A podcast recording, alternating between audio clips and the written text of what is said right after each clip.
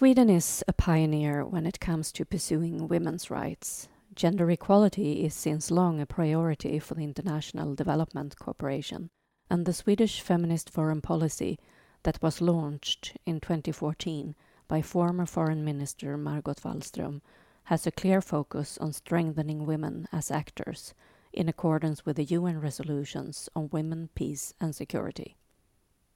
Women, peace, and security is also one of FBA's areas of expertise that is reflected in all operations that the government agency carry out in conflict affected contexts. The same applies for the seconding of civilian staff to international peace operations that Sweden take part in. So how is it going so far? The feminist foreign policy has generated strong feelings. It's been embraced by some and questioned by others. But does it make a difference in the world? My name is Catherine Johnson, and I work with communications at FBA. Today we broadcast our pod from the European Union in Brussels. We're here to meet two of FBA's seconded gender experts who work with implementing the feminist foreign policy in practice. Welcome Jenny Norman and Charlotte Isaksson. And Charlotte, your workplace is actually in this very building at the European Union External Action Service. To start with, what does a gender expert do? Yeah, I guess that depends a little bit on where you are a gender expert, but for myself, as being an expert working for the External Action Service, principal advisor on gender equality and women, peace, and security, uh, my work very much follows her mandate. So what she is asked to do in terms of of supporting and advising the High Representative and Vice President, uh, Mr. Borrell, and also the Secretary General. Uh, uh, so I support her with that work. So that could be a normal day. Could be about uh, to prepare for a EU-Canada security dialogue, for example, and to ensure that the speaking notes and the preparations for the people who will take part in this high level meeting will be sufficiently prepared to to reflect the EU policy on gender equality and women, peace and security. Uh, so it's uh, it's a lot of office work. It's a lot of work uh, in front of your screen. It's uh, it's not very glamorous, if anyone might think it is. So it's uh, it's pure work, uh, hard work, and to try to support the leadership and colleagues who are not yet perhaps sufficiently on board in terms of how they should actually do when they should integrate a gender perspective. So you're a little bit like a little bit of a help desk, I would say. The feminist foreign policy emerges from the UN Security Council Resolution 1325 and following resolutions about women, peace, and security, and promotes a gender perspective in conflict management. It also aims at increasing women's influence and meaningful participation, which is both a question of rights and efficiency. And how is the feminist foreign policy seen in Brussels among the EU member states, where many of them have a more conservative view upon gender parity or gender equality? I think it's still a quite a new uh, concept. Uh, it's a new terminology and not uh, well understood by most, uh, and the ones, of course, that do understand it, they are very much, you know, strong promoters of the concept. So I, I think personally that we are still in a phase where this is understood by few, and the wider audience do not really know what it is. So to give you one example, the word feminist is not used that often in my work, not in in speaking communication or not either in uh, in written communication yet. But of course, there are some very active promoters, and there are some civil society partners who have very strongly picked up the concept on feminist foreign policy and really promotes that in different circles. So perhaps in in the future, not too far from now, we will see something different. But this sort of what I tell you now is reflecting my daily reality. Mm.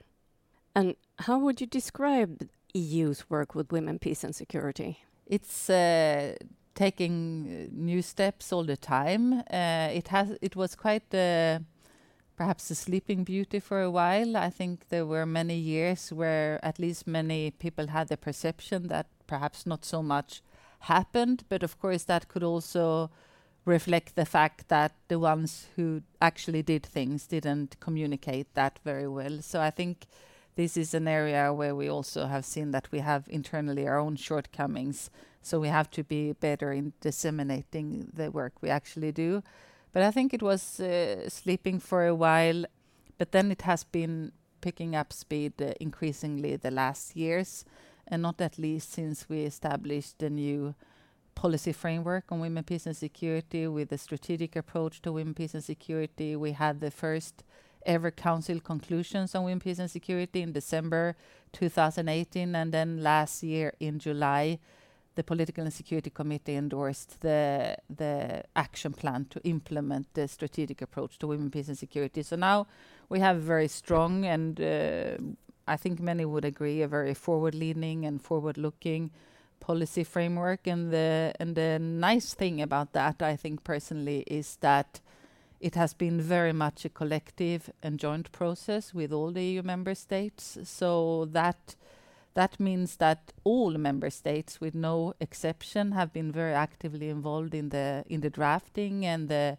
and the discussions and the dialogues uh, during the drafting process. So when we finally had the final versions, it was very much a document that came from the member states themselves, which of course it's then more likely that they will feel ownership, that they feel that this is something we it's not imposed upon us because we have been, you know, asking for this ourselves and and we strongly believe and we see also signs of that.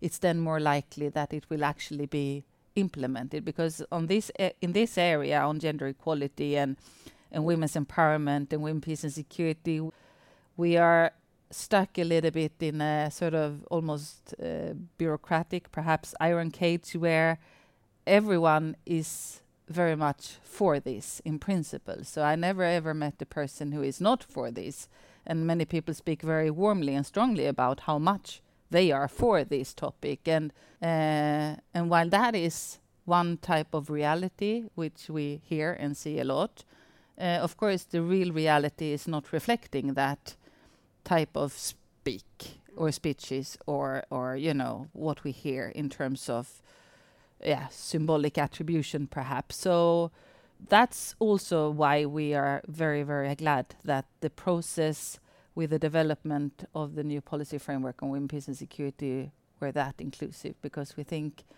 that brings a very important element in terms of real implementation because we still have too many and I guess that's not only for the external action service I think it's a global challenge and it also uh, uh, can be mirrored in Sweden in some cases where a lot of brilliant and great documents have been established but uh, yeah, it uh, sometimes it stops there. Mm. And of course, a policy is not ever better than you know the implementation will give at hand. So if a policy or a paper or any direction and guidance is not implemented or or acted upon, it's uh, it's not worth that much. And you're touching upon something uh, interesting here because your work is mainly on a comprehensive level. Jenny, you work for the European Union Training Mission in Central African Republic. And you work practically with issues related to women, peace, and security. How do you make use of EU's policies when working in the field? When you work in a mission like I do, uh, the work is much more operational and uh, on hand, you know.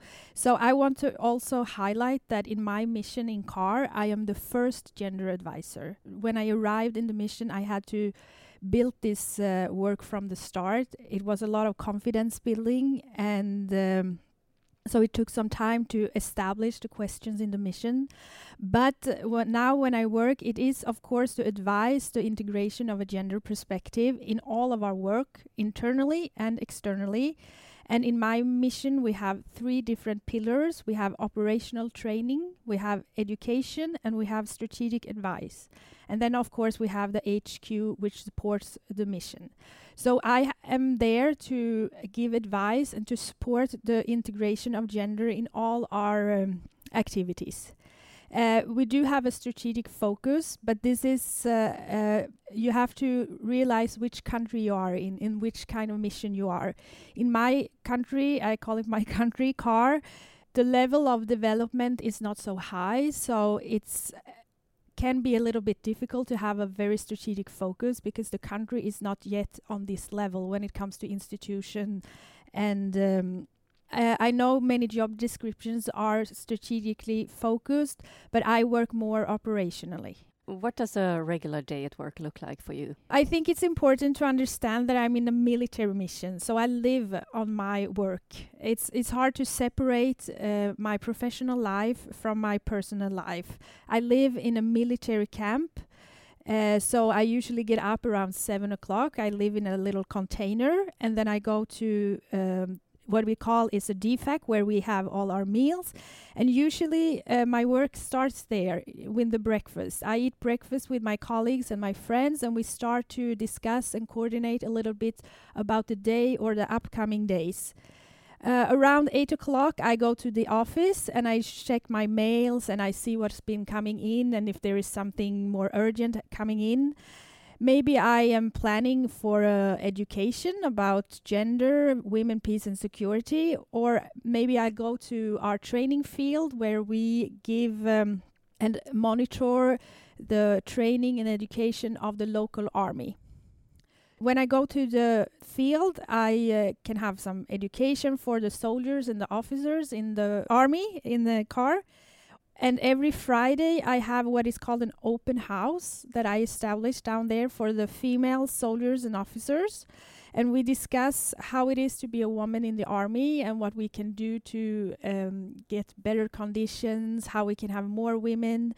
This open house is open for everyone, it's open also for men.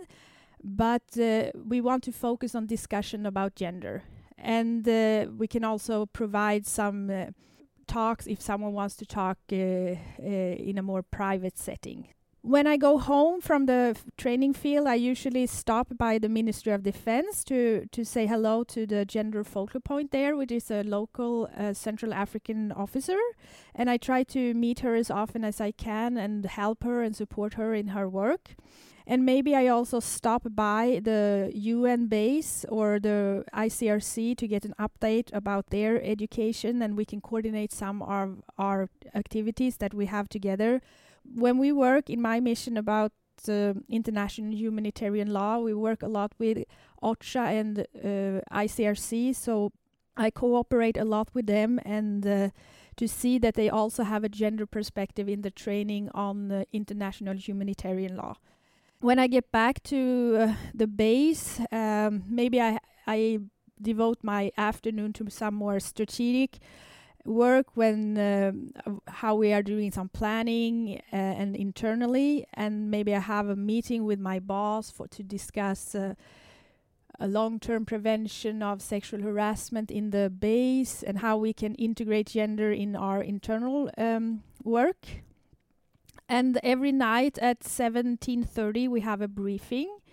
And if I have something too special to say, I give a little update to my colleagues what I've been working on during the day and what will come up.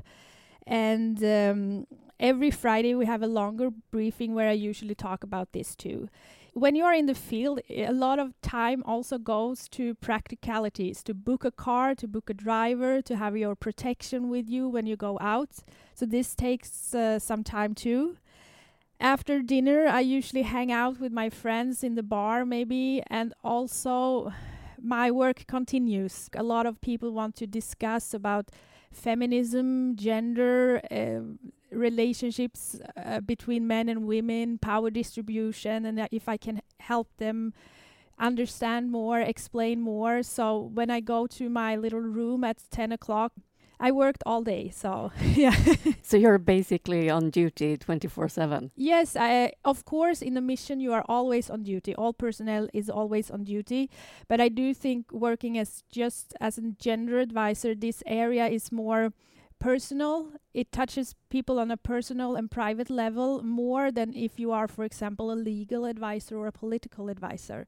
And I try to be as helpful uh, as I can if people have questions, because as we have discussed before, it this is also a question about knowledge. And I, I am there to help, give some articles if people want to read and have discussions and uh, just uh, help to get a little bit more awareness about gender in general. Already 20 years ago, the UN concluded that all peace efforts should ensure gender equality and consider women's needs and rights. Today, the agenda about women, peace, and security is well established, but at the same time, feminism and gender equality has negative connotations in some countries. Do you encounter a lot of resistance in your work? I don't feel a lot of resistance when I work with the with the the local population. More that uh, the level of understanding is maybe not that uh, developed, but as I said, they are very curious and they want to learn. I think also we that are gender advisors, we have a responsibility to put um, the training and advice we give on a level that it's comprehensible for the people we work with. So I work very interactive when I have trainings and I give a lot from myself. I have a little theater and we have to have an open discussions and I don't really uh, feel that the resistance is that big when you start to to to discuss it. Uh, of course, there are traditional values that women should be at home and take care of the the house and the kids and everything, and that women are responsible for upholding the morale in the family in the community. Um, but I also think that there is a in a country that is poor and underdeveloped, there is a strong feeling that everyone has to work together if we're gonna make uh, things happen. When it comes to the internal um, resistance, I think you can ask a little bit more because you work with European colleagues and they should know a little bit more. And uh, I do think sometimes that uh, we are very keen to work with the host country and to tell them what to do, but we are not so um, positive on looking inside and see what we need to do inside our organization. I think you have to tailor your message to the audience you have, and of course, uh, people today are, they want uh, equality and they understand that we, women's right is very important, but they also you have to make it relevant for them too. I work in a military mission where it's only men, and I when I work with FACA, it's almost also men. So I think it's up to me also to make this subject relevant to men, because there is a tendency to talk a lot about women, and uh, of course it's very important. But when I work internally and externally, I focus a lot about how gender equality is a good thing for men. Uh, for example, men live a shorter, um, uh, shorter time than than uh, women they have a higher level of suicide and in custody battles it's hard for them to get custody of a child. But i do talk about this and i try to make it relevant for men. Of course you meet resistance but it's also a way how you get around it and how you handle it. The feminist foreign policy wants to ensure that women's special needs during conflict are taken into account and it also strives to increase their involvement in peace processes why is that important, for example, in a country like CAR? I think it's always important, of course, because half of the population are women and the ha other half is men. So, of course, we have to listen to experiences from from both groups because men and women, boys and girls have different needs when it comes to security, for example. So, if we want to tailor make uh, a peace process or reconciliation process, we have to listen to all of these groups. So, of course, it's very important. I do think when it comes to CAR, uh, during the conflict, the level of sexual violence has been very high. And it affects, of course, mostly women, but also men. And it is usually more stigmatized for men to be victims of sexual violence. But this is something that needs to be addressed in the peace process, in a reconciliation process, and therefore it's very important to include women and girls. And also, if we want to help building and develop a, a, poor country, we need all people to be involved in the political process, men and women. And also, we need them in uh, the defense sector, we need them in police and in the civilian society. So, of course, men and women are important in all this process of rebuilding a country. Why do you think that it's so difficult to get acceptance for the concept of gender equality? Well, there are indeed positive steps taken already and being taken. I think most of us agree that the progress is much more slow than we would wish for. And uh, we also see globally now, since uh, quite a while, that there is a backlash on women's rights, on gender equality. We see it on sexual reproductive health and rights. We see it on on women's participation. We see it on violence against women.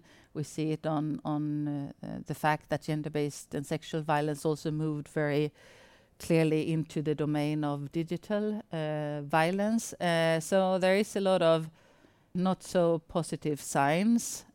And of course, I have been thinking a lot about why we are not better off uh, by now. Uh, as I said before, everyone in principle agree that this is a great thing to do and uh, this should happen. And normally, when everyone agree, it's normally not that difficult to make it happen. And when I speak uh, and have lectures, I I make this comparison with uh, with Kennedy's uh, going to the moon speech, where it took almost exactly seven years between the speech and, and when they actually had people on the moon. And I guess that was that was quite a complicated maneuver to make that happen. And of course, to achieve gender equality is also a complicated maneuver. But how can you understand then that this doesn't happen? And of course, in the end of the day, there is a lot of aspects related to power and privileges, or you know, um, yeah, privileges that are had right now that could then be lost, or others that are not privileged right now but would very much like to to have their you know right share of the cake. So.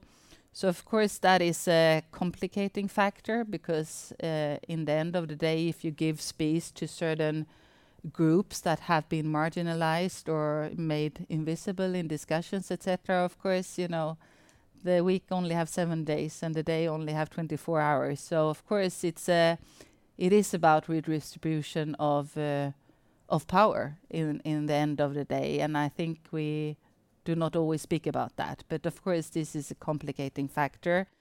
There is also an aspect of lack of understanding how how women's inclusion or diversity or gender equality is actually benefiting you know what i'm doing. So for example if i work with intelligence anal analysis well of course to have a more comprehensive uh, uh, foundation of uh, human sources for example or more more broader comprehensive perspectives coming in building on my information that i in turn then will analyze and assess. Of course that is something that will enable us to to have a better picture. And of course, to have a good picture and, and conduct a correct analysis is critical because it's only upon that we can take the right decisions and and make sure that we are doing not only the right thing but actually are doing it right. So so I think this lack of understanding and knowledge is also a big obstacle. Uh, and I think no, I don't think I know that we still have a lot of homework to do to to train and educate our own people because also we have to remember that it's not that long ago we started with this work in a more sort of systematic and institutional way. So of course the people who are now surrounding us in headquarters and in in ministries or whatever, when they went to their basic uh, education, may it be military academy or staff courses or diplomatic program or whatever, um, these topics were not most likely not part of those programs. So we also have a group of people who are not brought up in a system where this was an ingredient, which is, uh, I would say, quite different from how it is nowadays, where we have uh, in in many many many uh, nations I have been working together with. I know that they have uh, developed the curriculums for for training and education, both on the on the diplomatic uh, and the governmental side, and also with agencies, including the security sector, where gender equality and women, peace, and security are very much a part of the curricula. So, in light of that, we could uh, most likely look forward to a bright future because things are changing uh, all the time. We're looking forward to that then. And you mentioned the new strategy before. There's something called the gender responsive leadership there. What would that mean? If it would be implemented? I was the pen holder of both the strategy and the action plan, and uh, three things in the early analysis for those documents that was really emphasized by the member states uh, when we met again and again and again in the task force of women, peace and security was that we cannot only speak about what we will do, we also have to identify the key obstacles to progress. And what was identified as key obstacles to progress was the lack of gender responsive management and leadership, the lack of resources, especially in house capacity. And then the third was the need to work in close partnership and cooperation with all other actors who are like minded. And when it comes to gender responsive leadership, of course, in these hierarchical organizations, uh, uh, what what the boss says is is you know that makes the difference. That is uh, that is uh, what gives priority. So if some if the boss thinks something is important, it's much more likely that it will happen than if the boss might not think it is important. But of course, there are many competing priorities for all our managers and leaders. Uh, may it be a head of mission or a head of delegation, but we really, really see the benefit of having leaders and managers who are personally standing up for this issue. I think we have seen it in a in a Swedish context, for example, if we speak about the previous foreign minister Margot Wallström, her leadership on on gender equality, women's rights, and also the feminist foreign policy. Of course, without her standing up for that and and uh, being so clear about that this is a priority, of course it would have been less likely that all the rest of us would have followed. And I think, no, I don't think, I know it's the same in all these organizations. We we see definitely how how these type of initiatives and programs really makes uh, a huge difference in terms of perhaps previously have been a leader or a commander who didn't didn't really know what this means you know. Okay of course i find it important but but what does it actually mean for the work i'm doing? What does it mean for for border management? What does it mean for national security? What does it mean for security uh, sector reform etc and this type of a little bit more in-depth knowledge is of course important but also to get a better insight in how how it actually looks and and and what are the benefits to to improve the situation for all, uh, including women and girls, is something that is also like for many a personal process. So normally people say that when you when you finally got your gender glasses on, you can never take it off again because then you will suddenly see everything with a gender lens, while before perhaps you were blind, if we should uh, go to, you know, biblical references. So, um, so a gender responsive leadership. It's a high level ambition. It's not only saying things like uh, speaking 10 minutes on International Women's Day or going for a conference for the opening remarks or whatever, but it is, it is gender responsible is such a level of ambition. So are you a so your peers and your subordinates can actually uh, see that you mean what you say when you are saying this is important because it's also followed up in action and in in perhaps perhaps holding uh, staff accountable if they would not do it because I think that that's quite a fragmented picture still that where we have a very strong leadership on gender equality and women's rights it's not likely that staff who perhaps will, you know, wait will, with this task until the very end or forget it. You wouldn't perhaps get away with that if you have a leader or a boss that will find this very important and that will follow up and, and, and come to your office and open the door and ask why why didn't you give priority to this task. So those things makes of course a difference in terms of leadership and management. So so this is something we we hope much from because again as it is identified by all the EU member states as a priority and not only a key obstacle to success but also a key to success. I am very optimistic that we will see much on this uh, domain in the future. I've had a look at your terms of references, and as a gender expert, you need plenty of qualifications, uh, experiences, and skills. There's this long list of, of these things. Jenny, according to your opinion, what has been most useful in your assignment? I do have a military background that goes way back, but it has definitely helped me in a military mission because when you come as a civilian, uh, we are two civilians among 180. People think that you're going to die in the mission area because you're a civilian. So, just formally to be able to say that I have a military background helped a lot. Also, because we work with the local army. And when I say to them that I used to be a military, I get much more respect. But what other thing I would stress it's life and professional experience. You need to know how to establish and maintain contacts that are built on uh, on the confidence because when you are in this in CAR for example all relationships are built on confidence which takes time to establish you need to be able to negotiate and find ways to get to your goal and how you can work your way through the system and also how to pick your fights because when you are in this setting, you will of course hear and uh, be approached with opinions that are maybe not politically correct, but you cannot take every fight. So you have to choose the fights you are going for.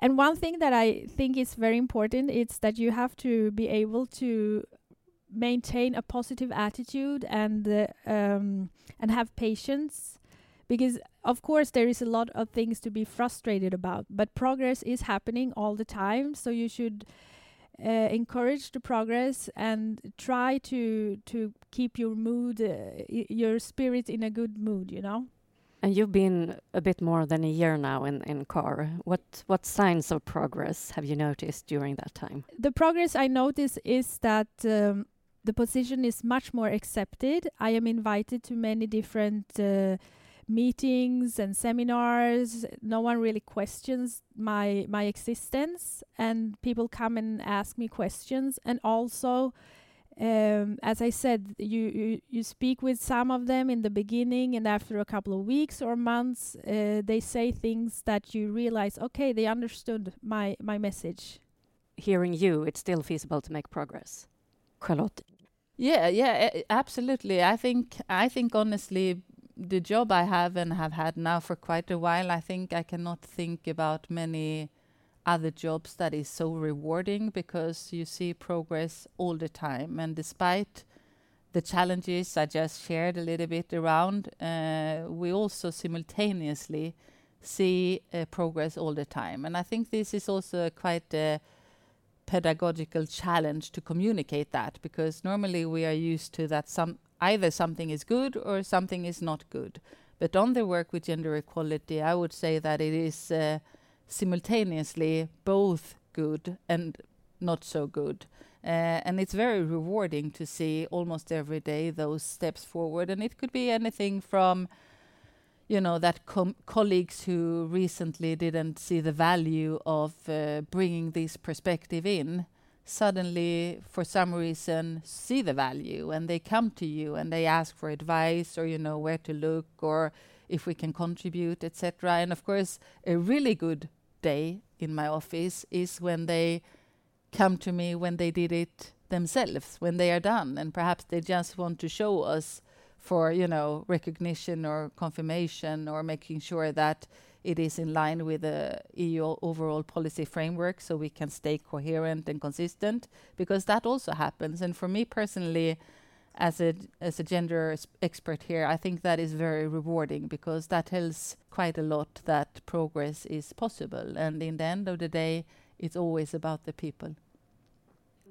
Unfortunately, we have to stop here, but it's been really exciting to hear about when Sweden's high ambitions with the feminist foreign policy meets reality Good luck now with your continuous commitment for gender equality in the world. And if you want to learn more about FBA's work, welcome to visit our website fba.se and follow us in social media. Bye.